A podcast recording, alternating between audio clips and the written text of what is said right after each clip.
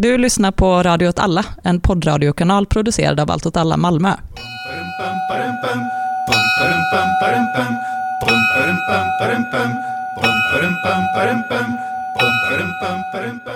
Hej och välkomna till Eld och rörelse. Hej, hej. Tack så mycket. Det är Martin Hansson här och med mig har jag Myran Insektsnamn. Jajamän. Det är bra med dig? Det är bra med mig. Hur är det med dig? Jo, men det är bra. Det är bra. Har du sovit bra? Hur är dygnsrytmen? Mm, jag har gjort en sån återställning och sen så har jag halkat lite igen. 12 någonting idag tror jag. Du gick upp 12 idag? Ja, gick la med fyra, gick upp 12 tror jag. Sånt. Mm, Okej, okay, ja. Det är fortfarande inne så typ av studentnormal. Ja, kanske. Jag vet inte vad den är. Förra avsnittet handlade om Silvercorp i Venezuela. Jag har inte fått ett enda mordhot. Nej, det är för jävligt. De Ja. är så slappa. Ja, det är ingen ordning på, på det. Nej. Ingen ordning på torpet. Händer grejer i USA. Ja, det är intressant hur, hur snabbt sådana här saker mm, flammar upp och sådana saker. Det är ju, men det är ju återkommande liksom. Det är, inte, det är inte första gången. Nej, det är väl den här gör att den har en annan typ av potential att vara samhällsförändrande just nu är väl att det samspelar i så många olika sociala motsättningar som sker samtidigt. Verkligen. Men det, så är det en gnista som tänder hela liksom, Ja, precis. det här mordet och sen så, ja. Mm. Ja, vi ska inte prata jättemycket om det. Det är möjligt. Vi spelar in lördagen den 30 maj. Och det är möjligt att vi släpper ett extrainsatt avsnitt i veckan ifall eh, protesterna eskalerar eller ja, beroende på hur utvecklingen ser ut. Ja. Så då kanske det kommer innan det här avsnittet. Jajamän. Jag vill ändå passa på och tacka vår givmilda sponsor. Verkligen. Den tvivelaktiga bankiren som Just möjliggör det. den här inspelningen. Det inköpet av den utrustningen har ju varit livsviktig för att vi ska kunna hålla igång det här. Ja, precis. Jag har ju, bor ju med någon person här som kanske har corona nu, så jag ska inte ut och röra på mig så. Är det så? Hur går, hur går det med det? Ja, den personen verkar må bättre nu, så det är inte något superallvarligt. Men så här torrhosta länge liksom och sånt. Du har inte haft några symptom?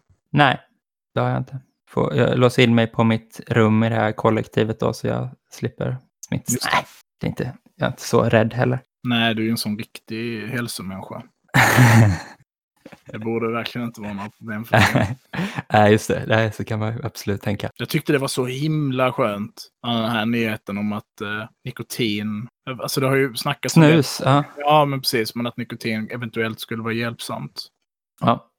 Och, och eftersom det är dåligt med dåliga lungor så går rökning bort i alla fall, men snus klarar sig. Liksom. Ja, men precis. Du, ska vi Ja. snacka också om det här nya podcast-appen? Just det, Norden ja. Mm. Ska jag göra lite reklam för det? Det har vi lovat. Det är kamrater i Stockholm som håller på att samla in pengar för att eh, ja, möjliggöra helt enkelt att samla olika vänsterradikala poddar i ett eh, nätverk. Så kan man beskriva det va? Ja, och som, det kommer vara en app där man kan liksom få allt det samlat på samma på något sätt. Som en egen liten infrastruktur. Ja, och det är ju skitviktigt. Det verkar ju vara det för att alla de här andra grejerna man använder för att spela håller ju alltid på att pressa en på pengar och snor en statistik och sådana saker. Så det är väl bra att ha egen kontroll på, på mycket. Ja, det är ju betydligt svårare att bli cancelled också. Just det. Eller det kanske det inte alls är när jag tänker på det. Men ja, ja, ja. Mm. Nu kan vi säga alla de här grejerna. Ah, vänta. nej, Mm. ja precis. Nej, men så kolla in det. Norden finns på Facebook, finns på Twitter. Gör det. Skänk en peng ifall ni har. Med det sagt, Vad ska vi prata om idag? jo, vi ska prata om att jag har läst en bok. Den heter Beating Goliath, Why Insurgencies Win. Ja, ingen golonka där inte. Och den ställer en, en rad frågor. Som man kan väl säga så här.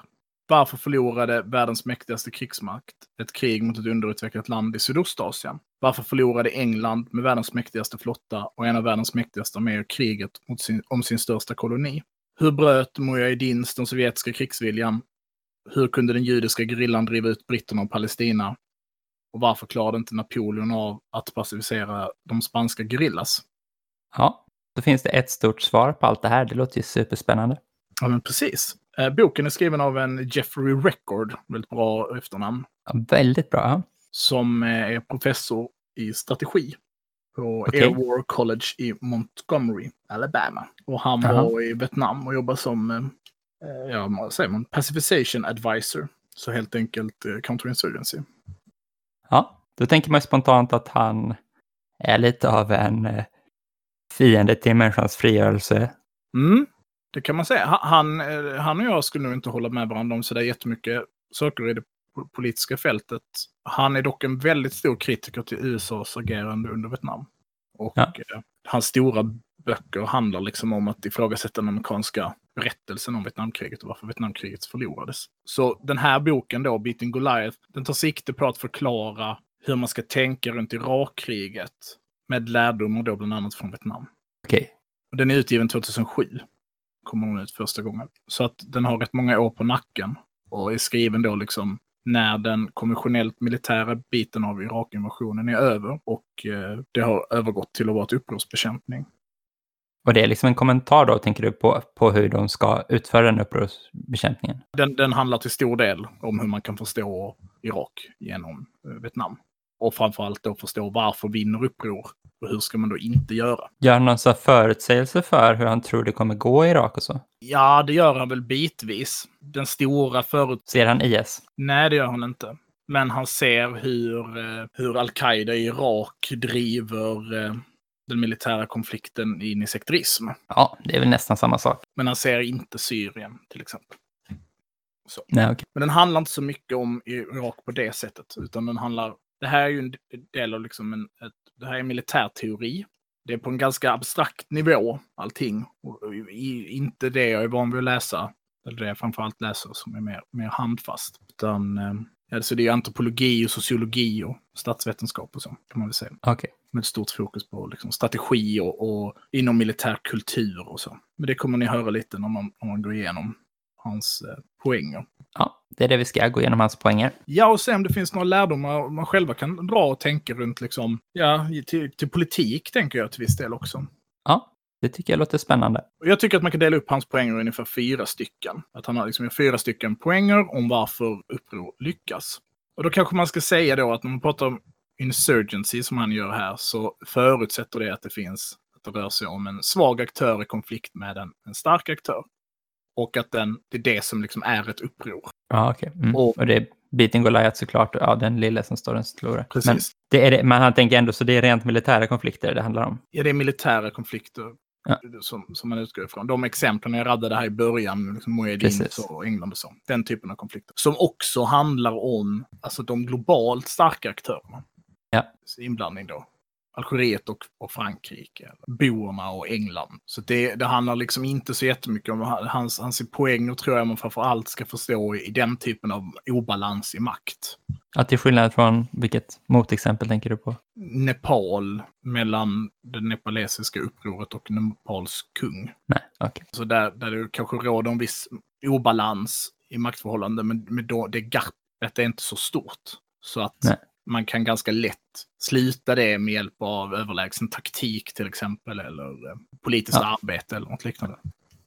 Och nästan liksom alltid då inte inbördeskrig utan en ockupationsmakt mot ett uppror eller något sånt. Då. Ja, det, jo, men det kan man väl säga även om, om eh, det stora exemplet Vietnam ju kan förstås också som ett inbördeskrig. Tydlig utländsk inblandning kan man ju säga från en Jo, det kan man världsmakt. säga. Absolut. flera världsmakter. Ja. Om vi tar den första poängen till varför uppror vinner, så är det, det här är ganska gammal, finns med liksom i, i teoribildning runt det man kallar för small wars, alltså uppror då, småkrig, Okej, som då ska ställas i relation till de stora krigen som första och andra världskriget till exempel. Så, så är viljan, det är det första poängen man kan prata om, hur, hur det finns asymmetri i, i viljan mellan de stridande parterna.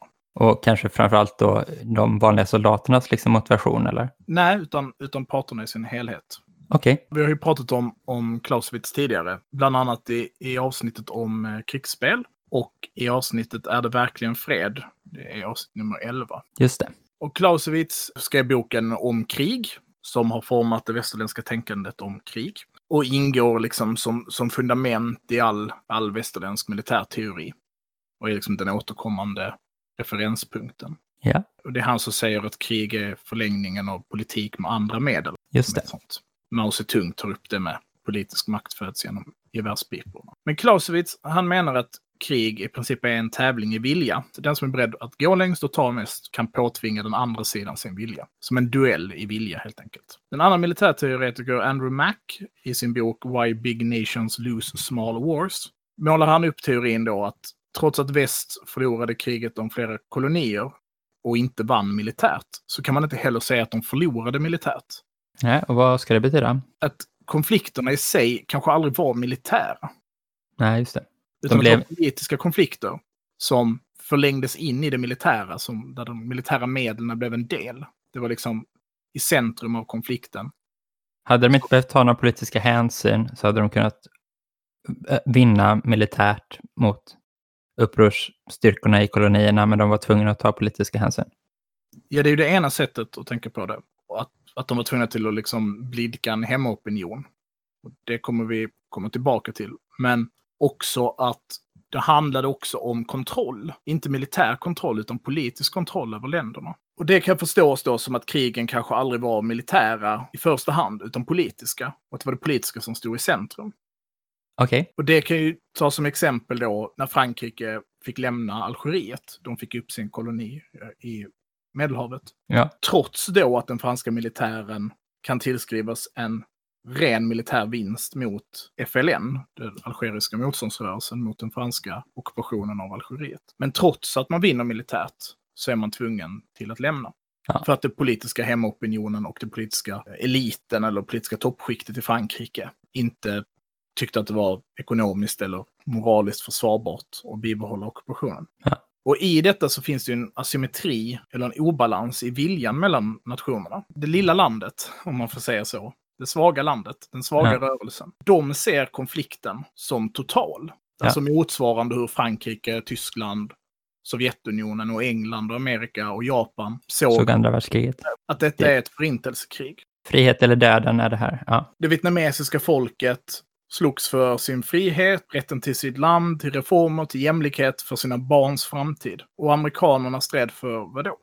Att begränsa kinesisk expansion. Ja. Och i det så uppstår det ju då liksom både hur konflikten uppfattas av de ingående parterna i den. Och, och den obalansen är ju större än så. För att det västerländska sättet att resonera runt militära konflikter handlar ju ofta om att avvärja hot. Vi har en försvarsmakt. USA Department of Defense. Krig handlar om att skydda landet. Vietnam utgjorde aldrig ett realistiskt hot mot amerikanska fastlandet.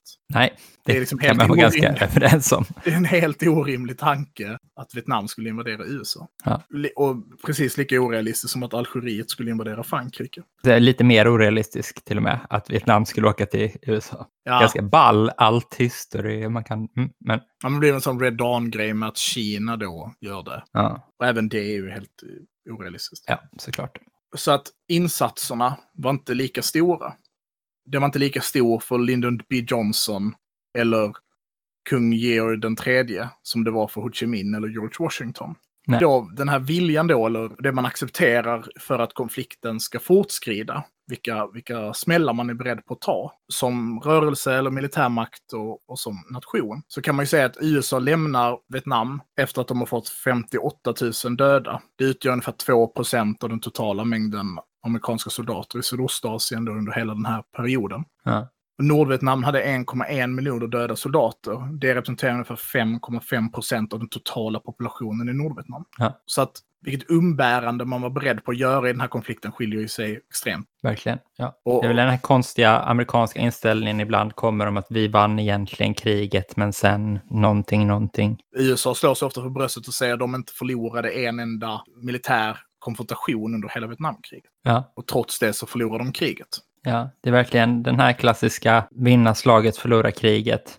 Ja, men då har du fortfarande förlorat kriget. Det är inte... Det är ju det som hela är ordspråket går ut på. Ja, precis, det ordspråket betyder inte. Och det är också trevligt. Så, så viljan här då, och det kan liksom, det är återkommande i alla de obalanserade eller asymmetriska militära konflikter, är att det finns en, en, en, en obalans i, i viljan hos de stridande parterna. Men den kommer också bara från grundförutsättningen här, liksom att det är den ena parten som har sitt hemland eller vad det nu är och den andra som vill uppnå något annat. Liksom att det, Det påminner lite om vad man brukar säga om varför en hare alltid är snabbare än en räv. För att haren springer för sitt liv medan räven springer bara för att få lunch. Att det... Och sen så tror jag också att det kan vara viktigt att, att komma ihåg att de flesta militära uppror misslyckas. Ja. Alltså det vanliga är inte att de vinner, tvärtom. Ja. Ja, men om vi tar eh, Boerupproret i, i Transylvan, Sydafrika, Ja. mot eh, det brittiska imperiet till exempel. Ja. Misslyck- Kommunistiska upproret i Malaysia slås ner av, av brittisk hjälp. Det, I normalfallet så misslyckas den här typen av politiska, politiskt militära projekt.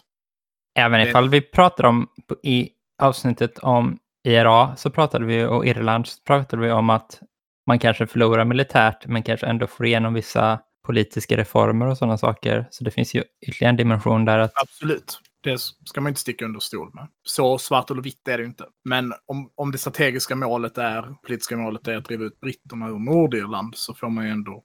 säga att de misslyckades, absolut. Mm. Så det är det ena då, att det finns den här viljan. Och exempel på när det kanske inte existerar en obalans i viljan. Men många av de andra kategorierna stämmer. Det är ju i konflikten mellan Israel och Palestina. Just det. Mm. där den israeliska statsmakten har samma grad, i alla fall i närliggande grad, stark vilja att besätta och belägra eh, Gaza och Västbanken. Ja. Och lyckas med det. De palestinska upproren misslyckas medan Israel blir utslagna ur Libanon 2006 Just det. det ja. på grund av, av eh, ganska höga förluster sett till liksom konfliktens eh, storlek. Sett till konfliktens storlek. Men Libanon 2006 tänker jag att vi ska återkomma till ett senare avsnitt. Behöver inte grotta ner oss i det. Var det här hela poängen? Ja, men det är en av, en av första poängen. Ja, Mm. viljan. Tänker du något mer kring den då? En, har han rätt helt och hållet? Ja, men det, det tänker jag att han har och att jag skulle säga att den obalansen i, i vilja är, är, återkommande historiskt i alla de revolutionsförsök eller rev- lyckade revolutioner och inbördeskrig. Alltså om vi tar Kuba till exempel, Ja. vi pratade om i förra avsnittet, så är ju den relationen uppenbar. Att Batista och högersidan, juntan på Kuba, hade inte den som rörelse eller som nation, den, den ja, viljan att vinna om man ska vara krass. Mm. Och, och vi som man också ser sen under Vietnamkriget, när höstoffensiven börjar och Nordvietnam har räknat på att det ska ta tre år att ta sig igång. Och de fullständigt slår ut den sydvietnamesiska armén på två månader. Mm. För att sydvietnamesiska armén har ingen vilja att strida. Och nu ska vi prata om att det man är beredd på att göra då är ju att dö. Alltså Ja. det är en massa människor som ska bli lemlästade och dö. Och det verkar inte Nordvietnam ha någon brist på.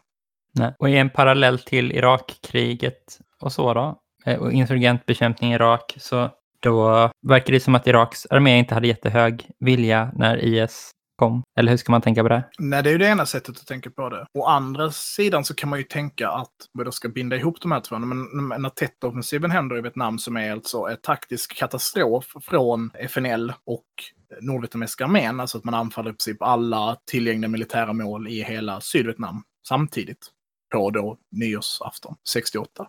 Ska vi säga att det är en dålig taktik?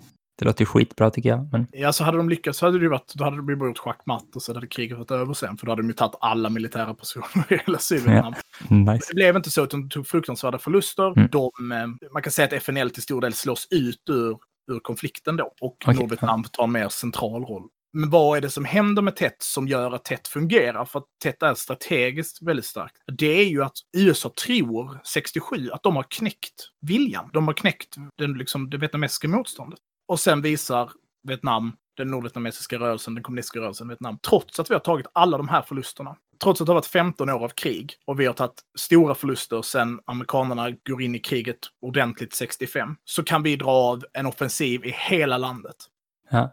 Vi är fortfarande med. Och det är det, alltså efter Tet-offensiven, då börjar USA diskutera hur ska vi ta oss ur det här. Ja. Så de liksom på något sätt använder sin, och det här är ju sjukt liksom, men de använder sin förmåga att ta förluster till att visa på vilken kapacitet de har. Och självmordsbombning till exempel, som ju är ett mycket modernare fenomen och, och idag känns helt standard i de här typen av konflikter i Syrien och Irak och så vidare, kommunicerar ju också det här. Ja. Så här mycket vill vi det här. Hur mycket vill ni? Kanske då också rent politiskt, om man ska ta bort det här från, om man då ska kunna separera krig och politik på det sättet, så är det ju en vanlig proteströrelse handlar ju också om martyrskap eller vi låter polisen förslå oss. Mm. Vi utstår det här, det här är vår vilja. Liksom. Så att jag tänker att Ja, jo men ifall man som politisk ska lära sig någonting av det som man kan i sin egen politiska praktik och vardag ha nytta av så är det ju då förstås att liksom vara väldigt offervillig i olika frågor och så. Men det kanske man inte vill vara för att då får man betala priset också. Det är ju, Ja, och precis. Och så kanske man ska överföra det här då, så kanske det inte ska vara... Kanske vi inte ska ta exemplet självmordsbombning eller möjligtvis bli slagen av polisen eller sitta i fängelse under väldigt lång tid, men utsätta sig för andra typer av risker. ja, Jag försöker facklig organisering på det här jobbet fast jag vet att jag riskerar att få sparken. Jag är beredd att ta det, det här, eller jag kommer gömma papperslösa. Det har ju den typen av dedikation och det är någonting man inte pratar sådär jätteofta idag om på det sättet. Liksom om Nej. kader och så. Men om vi ska titta på de politiska rörelser som har lyckats så väldigt stort så, så tror jag att den typen av liksom i brist på bättre ord, men fanatism är liksom en central komponent. Så här medborgarrättsrörelsen i USA på 60-talet till exempel. Vilka risker utsatte sig inte de människorna för? nej, absolut. Och det i sin tur är ju, är ju direkt kopplat till någon typ av genuin övertygelse och så. Ja. Men man kan inte heller, precis, man kan inte heller bara bestämma sig för att, den, för att ha den offerviljan eller för att den genuina motivationen ska finnas. Det, det måste ju finnas därifrån någonstans ifrån och det måste, man måste vara, vara i det läget där man är liksom, Men det måste ju komma inifrån framför allt. Ja. Alltså annars är man ju en sekt. jo, precis, ja. Om man liksom skapar de här människorna för att sen kunna som rörelse offra dem. Nej. Då tror jag oavsett vad som kommer ut ur andra änden, Så har man förlorat på något sätt. ja, så är det liksom en förlust. Så. På så sätt skiljer ju sig krig från politik. Att, Det är alltid på liv och död för någon. ja då är det ju det. Ja. Då är det ju på liv och död. Så då så kanske det är värt lite vad som kommer ut på andra änden. Ja. Komplex fråga. Jag, jag vill bara lyfta om man ska liksom, hur man kan tänka om det. Ja, jag tyckte det var intressant. Mm. Eh, Vilja är en central del av, av kraftfulla politiska rörelser. Ja, det tror jag jag håller med dig om. Den andra poängen då, eller den andra centrala komponenten i varför de här upproren lyckas, är också lite så abstrakt. Så att det kanske inte har så mycket med val att göra, utan snarare handlar om att förstå hur kapitalistisk krigsföring fungerar, eller liksom hur krig, den dynamiken som uppstår i det. Och då är vi tillbaka igen, vi pratar om en stark och en svag part.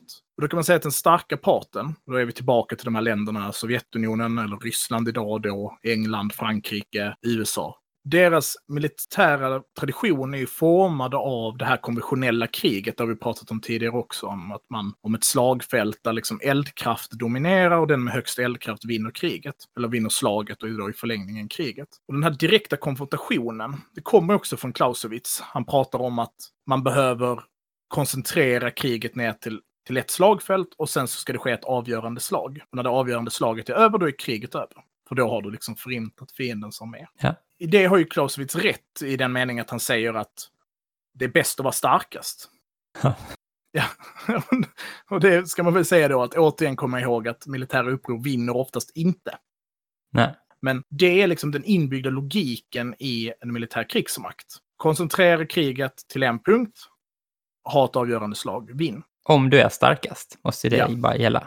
Framförallt om du tillhör de här stora makterna, det är en, en, ett koloni eller det är liksom ett, ett land långt borta du ska vara verksam i. Då innebär det att det kommer en politisk och ekonomisk kostnad att hålla igång de här krigen, så du vill också få dem avslutade. Så du har även en drivkraft att korta ner tiden. Du har bråttom att vinna. Ja. Tillbaka till punkt ett. Så länge inte kriget handlar om att ställa mat på bordet för dina hungrande barn, som det kanske gjorde för nordvietnameserna, så kan det finnas andra politiska frågor som har högre prioritet i värdlandet eller i hemlandet.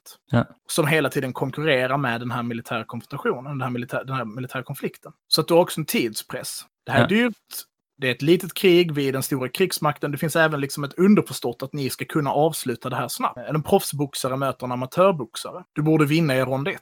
Ja. Så den, den har större eldkraft och det är där den styrka ligger i. Den har uniformerad personal som kan liksom lyda under, som lyder under ordersystem. Hela fundamentet i din, den starkare parten ligger i dens konventionella karaktär av dens armé. Och det enda som hotar den egentligen är kostnad av politisk opinion och pengar. Men upproret har, sin, den har en motsatt situation. Den kan, inte se, den kan liksom inte se konflikten som en direkt militär konfrontation. Och i de fall man gör det så kommer det upproret vara utdött under efter 24 timmar. Vi ponerar att Vietnamkriget 65, eller för den delen amerikanska revolutionen, hade tagit sig uttryck i att vardera sida hade samlat sina trupper och sen hade de mötts på ett slagfält. Då hade den brittiska armén hängt George Washington samma kväll. Så att den svagare partens strategi handlar ju snarare om att undvika den direkta konfrontationen och välja en indirekt väg där liksom utnötning sakta ökar kostnaden för fienden. Och det här bildar i sin tur då en rävsax för den starkare parten. För den kan ju såklart välja den indirekta vägen. Det är ju dock den långsamma och den handlar till stor del om kontroll av populationen. Vem pratar eh, de vietnamesiska kommunisterna med? Kontrollera Iraks befolkning. Ja, och, och, och man blir då ett incitament för att rekrytera till motståndsrörelsen för att folk, man måste jävlas med lokalbefolkningen. Det här är också Irlandsavsnittet påminner det om. Som vi pratar Precis. Om. Att, man, att man begränsar befolkningen då stärker ju på något sätt den, den svagares politiska position. Men det kräver ju också att den militära makten har förmågan att politisera konflikten. Att generalerna som flyger till Vietnam till liksom katastrofregimen i Sydvietnam börjar vara ja. så här, ni måste, ni får lägga ner det här med att, med att ha massa äh, soldater, ni måste börja bygga skolor. Mm.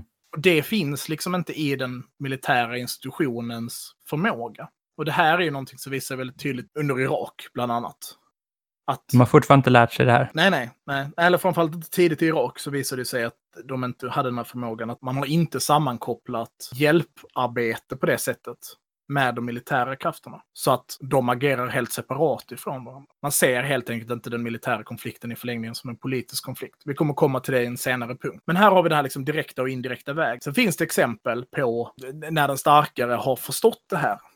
Ja, vad intressant. Det var det jag eh, precis tänkte fråga. Vad händer då? då? Alltså, för det första har det varit andra typer av politiska konflikter. Men man kan ta Malaysia till exempel, har varit kommunistiskt uppror. Det sker ju i princip parallellt med Vietnam eller Indokina-konflikt. Och då är det alltså det britterna, Commonwealth då, som har agerat därigenom genom sin liksom, före detta koloniala status till Malaysia. Och där sker det ett, ett kommunistiskt uppror. Det är väldigt litet i jämförelse och skiljer sig på många sätt från Vietnam. Så att man brukar dra den parallellen och säga att britterna lyckades jättebra här och, och det var för att de är så duktiga. Där svaret är mycket mer komplext. Bland annat så utgår det malaysiska upproret ifrån en kinesisk etnisk minoritet. Alltså redan där så är ju upproret till viss del begränsad gentemot den totala populationen och man kan koda konflikten etniskt på många sätt på ett annat sätt än man kan göra i Vietnam. Men där man arbetar parallellt med eh, den malaysiska staten och genomdriver, tvingar den malaysiska staten att genomdriva en rad reformer, kan man väl säga om man ska göra det enkelt för sig. Man arbetar lågintensivt mot, mot upproret genom med hjälp av specialstyrkor. Då. Och det har ju mycket med brittisk militärtradition att göra också. Och även i Vietnam så får de får det som heter ANSAC, alltså som är Australien och Nya Zeelands specialtrupper. De blir tilldelade ett, ett avsnitt i, i Vietnam där de ansvarar att pacificera då, som man så fint säger. Och lyckas relativt eh, mycket bättre än vad amerikanska distrikten gör. Okay. Och samtidigt då, då, om man går tillbaka till det här med den starkare och den svagare sidan och det här avgörande slaget är att den starkare sidan kommer eh, hela tiden jaga det här avgörande militära konfrontationen och använda mer och mer eldkraft för att åsamka sin fiende mer skada. För att liksom kunna knäcka dem konventionellt militärt. Och det ökar ju i sin tur bara liksom kostnaden monetärt då, så det blir dyrare och dyrare för då använder de mer och mer bomber, granater, och flygplan och vad det nu kan vara. Och samtidigt då riskerar att underminera sin position genom att skada civila. För att du börjar bomba mer frekvent eller vad det kan vara. Och det tänker jag kan, åter till Vietnam då, att, att den här search and destroy-modellen man hade, alltså att den politiska långsiktiga strategin man hade i Vietnam var vi ska döda så många FNL som vi kan. Vi ska räkna lik, helt enkelt. Den var liksom ett sätt att föra konventionellt krig mot en gerilla. Ja, just det. Mm. Och inte alls förstå den politiska dimensionen av kriget. Då. Nej.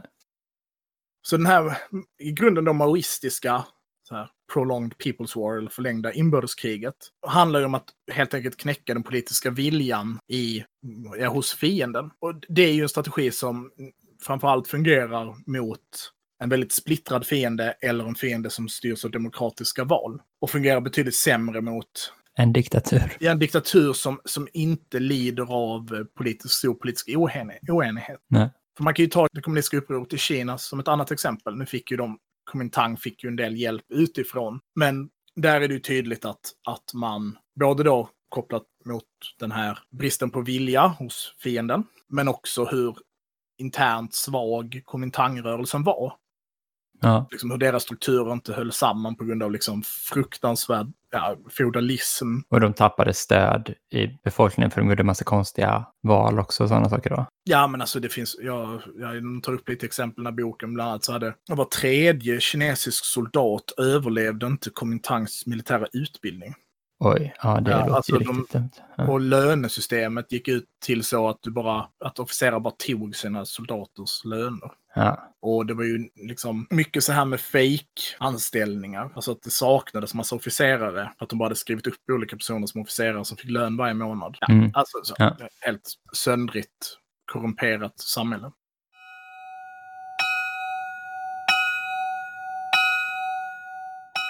Och vad kan man säga med den här då? Om man skulle liksom försöka resonera. Jag, vet, jag tycker det låter rimligt. Och att det mer har att göra med liksom en intern dynamik. Som ju då förvisso rimligtvis gäller alla militära uppror. Alltså den här direkta konfrontationsmodellen.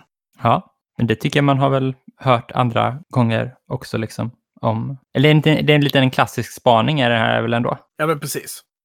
Eh, jag tycker båda de här två första punkterna är lite så. Jo, men, men de, är rätt, de är rätt logiska och man har själv liksom kunnat fundera sig fram till dem. Kanske bara ska säga det om den här maoistiska modellen. Det handlar ju då om att även Mao var ju inställd på att det skulle komma ett avgörande politiskt slag. Och att det här förlängda inbördeskriget handlade ju om att bygga upp tills man klarade av att göra den konventionella, det konventionella anfallet.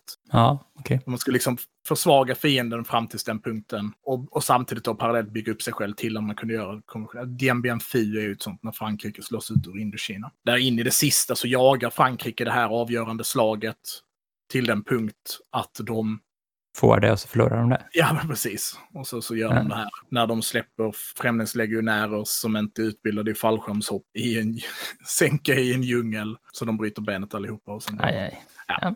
Trist, trist, Ja, googla Dien Bien Phu. Men och den tredje punkten då handlar om en, en ganska liksom förbisedd som man inte pratar så mycket om. Den finns liksom inte med i, i det vänsternarrativet så mycket om de här upproren. Och inte heller i det amerikanska narrativet när det gäller delar av den. Och det handlar ju om att alla de uppror som har lyckats militärt har haft väldigt mycket hjälp utifrån Okej, ja. de uppror som man har lyckats förhindra att få hjälp utifrån, som man har lyckats isolera, har haft väldigt, väldigt svårt att lyckas. ja. Det känns ju rimligt också när man, när man hör det.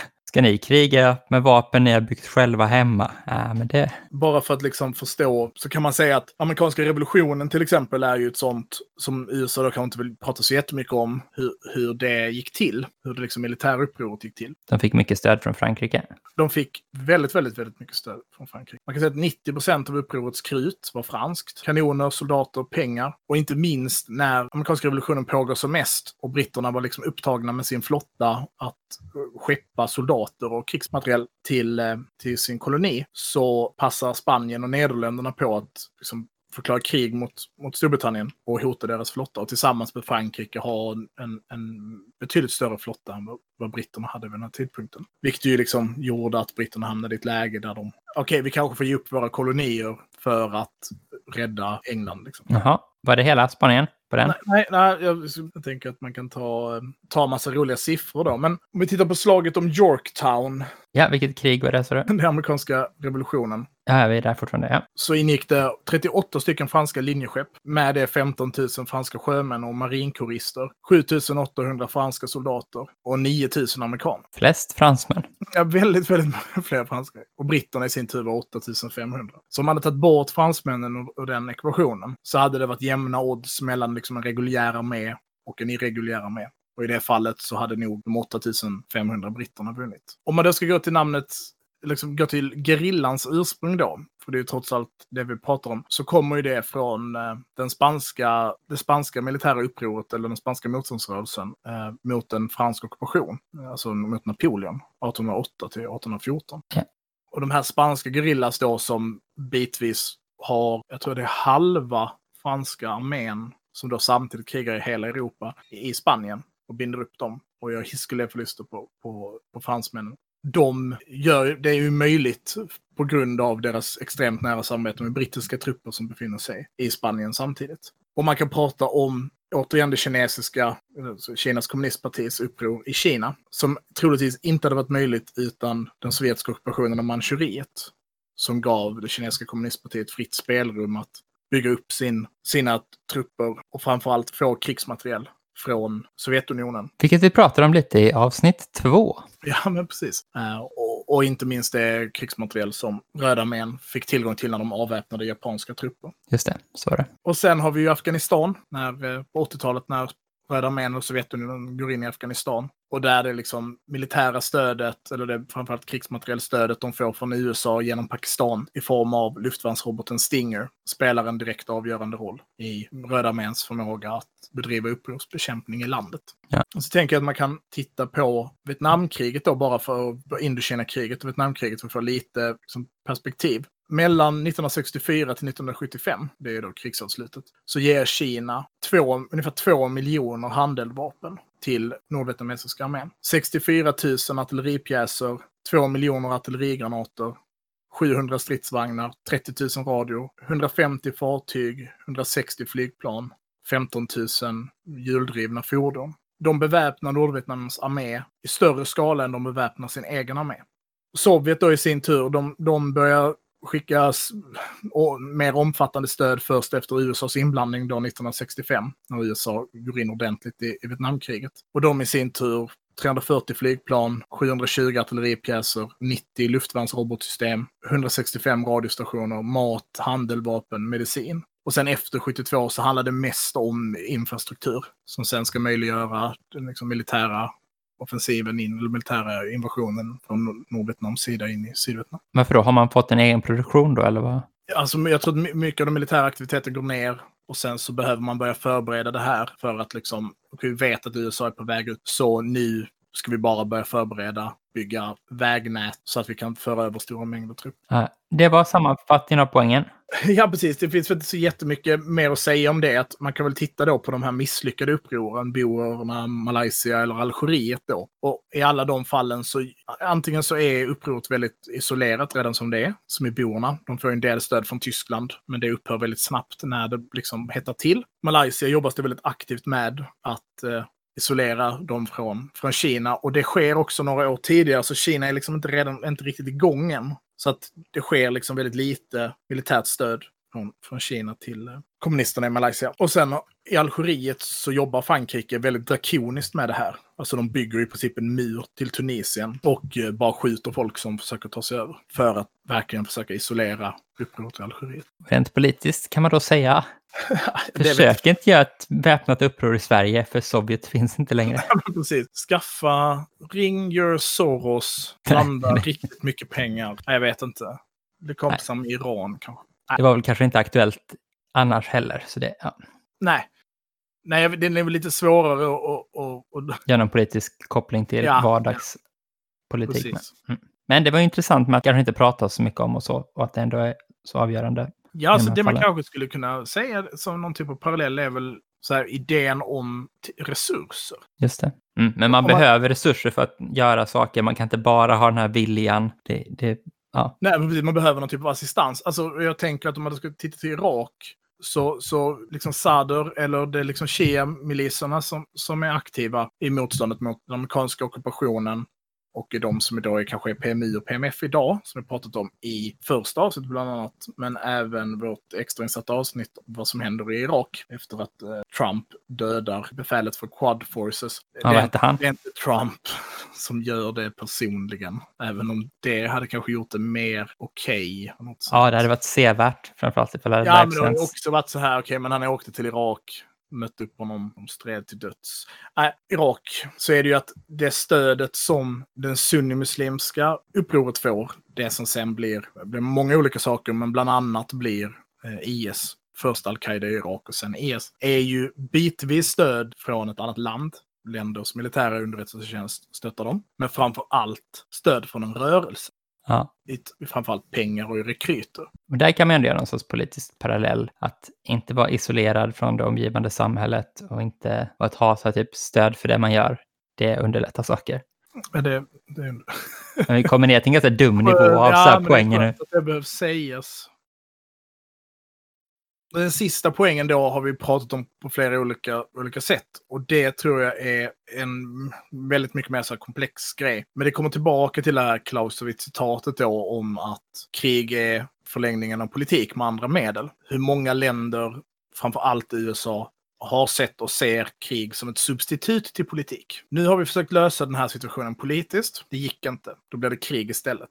Och i krigets egna logik så uppstår det strategiska mål och handlingar som är rimliga för att vinna den här militära konflikten. Men väldigt snabbt raderar de kanske strategiska politiska målen. Och den konflikten, man kan ta Korea som ett exempel. När Kina lägger sig i Koreakriget, då begär befälet för hela den liksom, amerikanska operationen i Korea att man ska anfalla Kina. Och så säger Vita huset nej, nej, nej, det ska vi inte alls göra. Och ur båda dessa logiker så blir det ju logiskt. Och den militära logiken, men nu är vi ju anfallna av det här landet, då måste vi ju svara. Nu ingår det här helt plötsligt i vår begrepp om, om, om det här kriget, att vi har de här fienden också. Vi borde angripa den. Men om man har ett politiskt ingång i det, med politiska mål, så, så blir svaret nej, men vi ska inte dra oss in i en ny konflikt med den här andra regionala kraften. Och det kommer lite tillbaka till det du pratade om, att, eh, när jag pratade om första punkten, att det finns de här amerikanerna som säger att vi vann i princip, vi vann egentligen Vietnamkriget, eller med en liksom intern dolkstötslegend kan man säga att det var politikerna som gav upp. Ja, precis. Och även då dolkstötslegenden för sin del fungerar som exempel här. Att när man separerar krig och politik ifrån varandra och inte ser dem som samma fenomen, alltså där det, kriget blir ett medel i att uppnå de politiska målen, då blir liksom kriget sin egen, liksom, ja, de strategiska krigsmålen blir logiska. Vi borde kärnvapenbomba Nordvietnam till exempel. Ja, visst. Det tar bara hänsyn till sig själv. Ja. Ja, så bara, nej men det...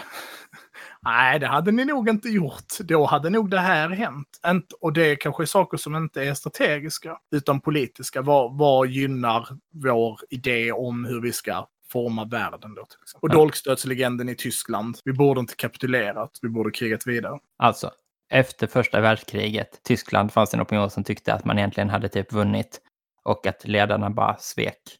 Ja, om vi bara hade hållit ut så skulle vi vunnit. Eller de var på randen till kollaps. Eller vi hade därför... kunnat få en bättre fred om vi eh, hade gjort det här eller det här. Liksom.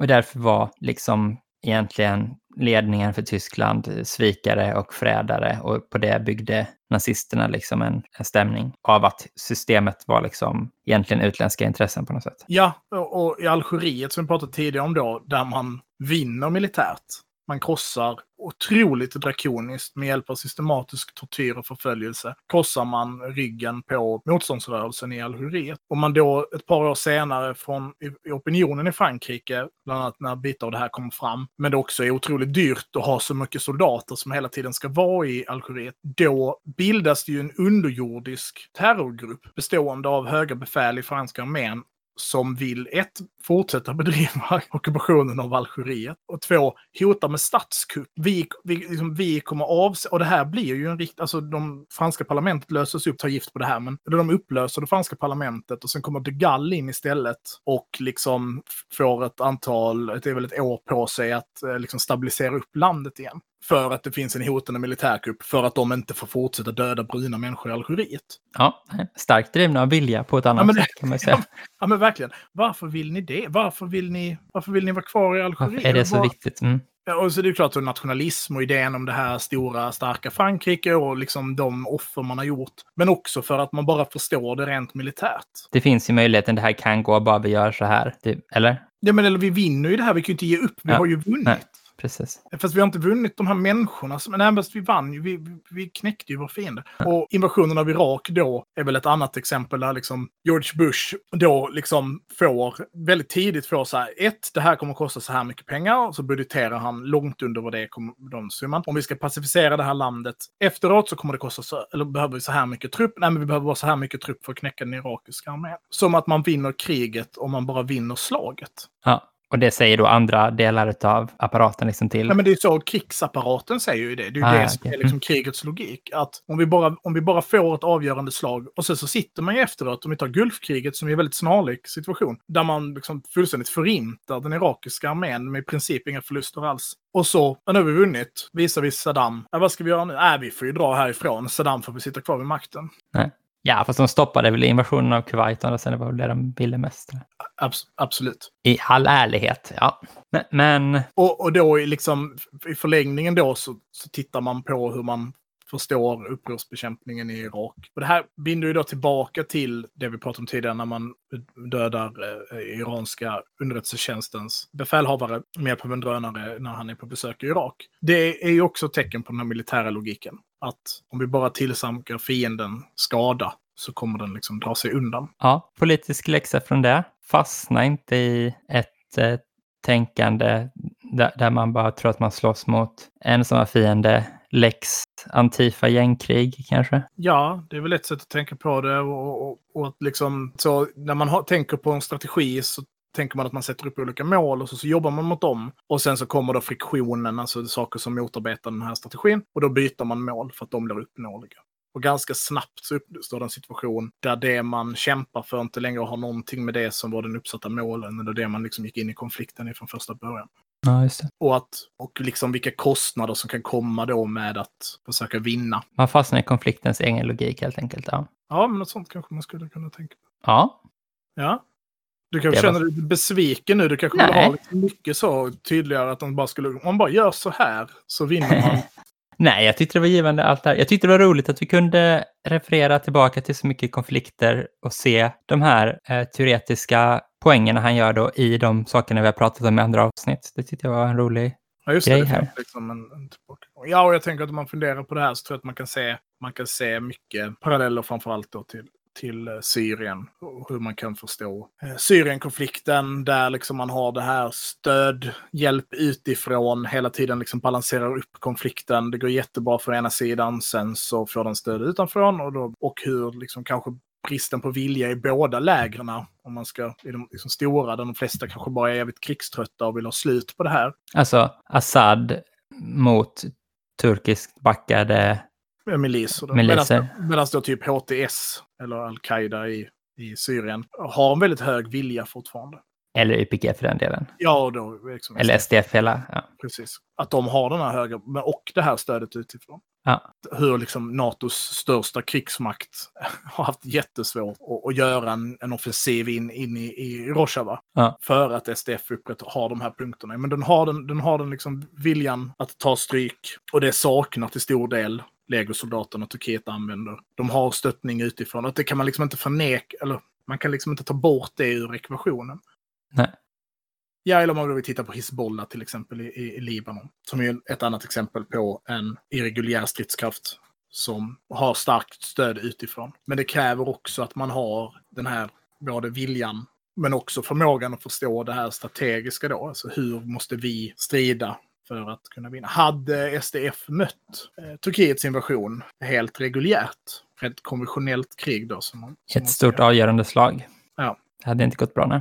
Nej, det hade nog inte gått så. Å andra sidan kanske de har mött dem mer konventionellt än vad den typen av stridskrafter många gånger har Men det känns som ett, ett spår som är svårt att sitta och gissa om. Men när du säger att Hizbollah stöd utifrån, då är det Iran du tänker på främst då, eller? Ja. ja. ja. Nej, men det, vi kanske inte har så mycket mer att säga där. Nej, det kanske vi inte har så mycket mer att Kommer säga. vi använda den här modellen varje gång vi pratar om ett uppror nu då? Fast vi kommer att knyta tillbaka till det där. Jo, men jag håller på också, också, att jag håller på att läsa fler böcker om det. Det var en, en lyssnare som skrev, alltså, som skrev till mig och, och frågade om eh, militärteori, om vilka böcker man kunde läsa. Så. Just det. Och då började jag började läsa lite böcker jag hade i bokhyllan som jag inte var färdig med och köpte lite nya. Jag började traggla mig igenom. Så jag tänker att det kommer att bli lite fler sådana här avsnitt och jag förstår att vissa inte tycker det är jättekul. Men jag tycker det är intressant. Jag tänker att för min del är, är podden eh, ett sätt att eh, liksom bearbeta saker jag har funderat eller läst om. Ja. Det kommer nog komma fler. Men grattis till den lyssnare som önskar det här. Den fick ju verkligen sin vilja ja, Den önskade sticks inte det här. Den önskade, den önskade mer liksom grundläggande... Vad med de här grillatipsen? Hur ska jag starta min egen ja, grilla? Nej, men den, den, den äh, frågade om hur, äh, men om grundläggande militärteori helt enkelt, om strategi och så. så. Men och det tänker jag också kommer att ta stopp. Det blir, blir, blir väldigt teoretiskt. Men det finns saker som vi har diskuterat här som hänger väldigt tätt ihop med det. Bara så att man hade, vi hade kunnat ägna halva avsnittet till att diskutera hur ska man ens benämna de här konflikterna. Vad är ett krig? Vad är ett small war? Vad är en begränsad militär konflikt? Och så vidare. Det är liksom inte saker som är helt utredda, som det ofta är inom då vetenskap. Liksom. Eller vad är en strategi? Finns det en strategi och går det att prata om att man har en strategi? Ja. Eller är det bara en illusion? Liksom? Ett, ett väldigt annat spår.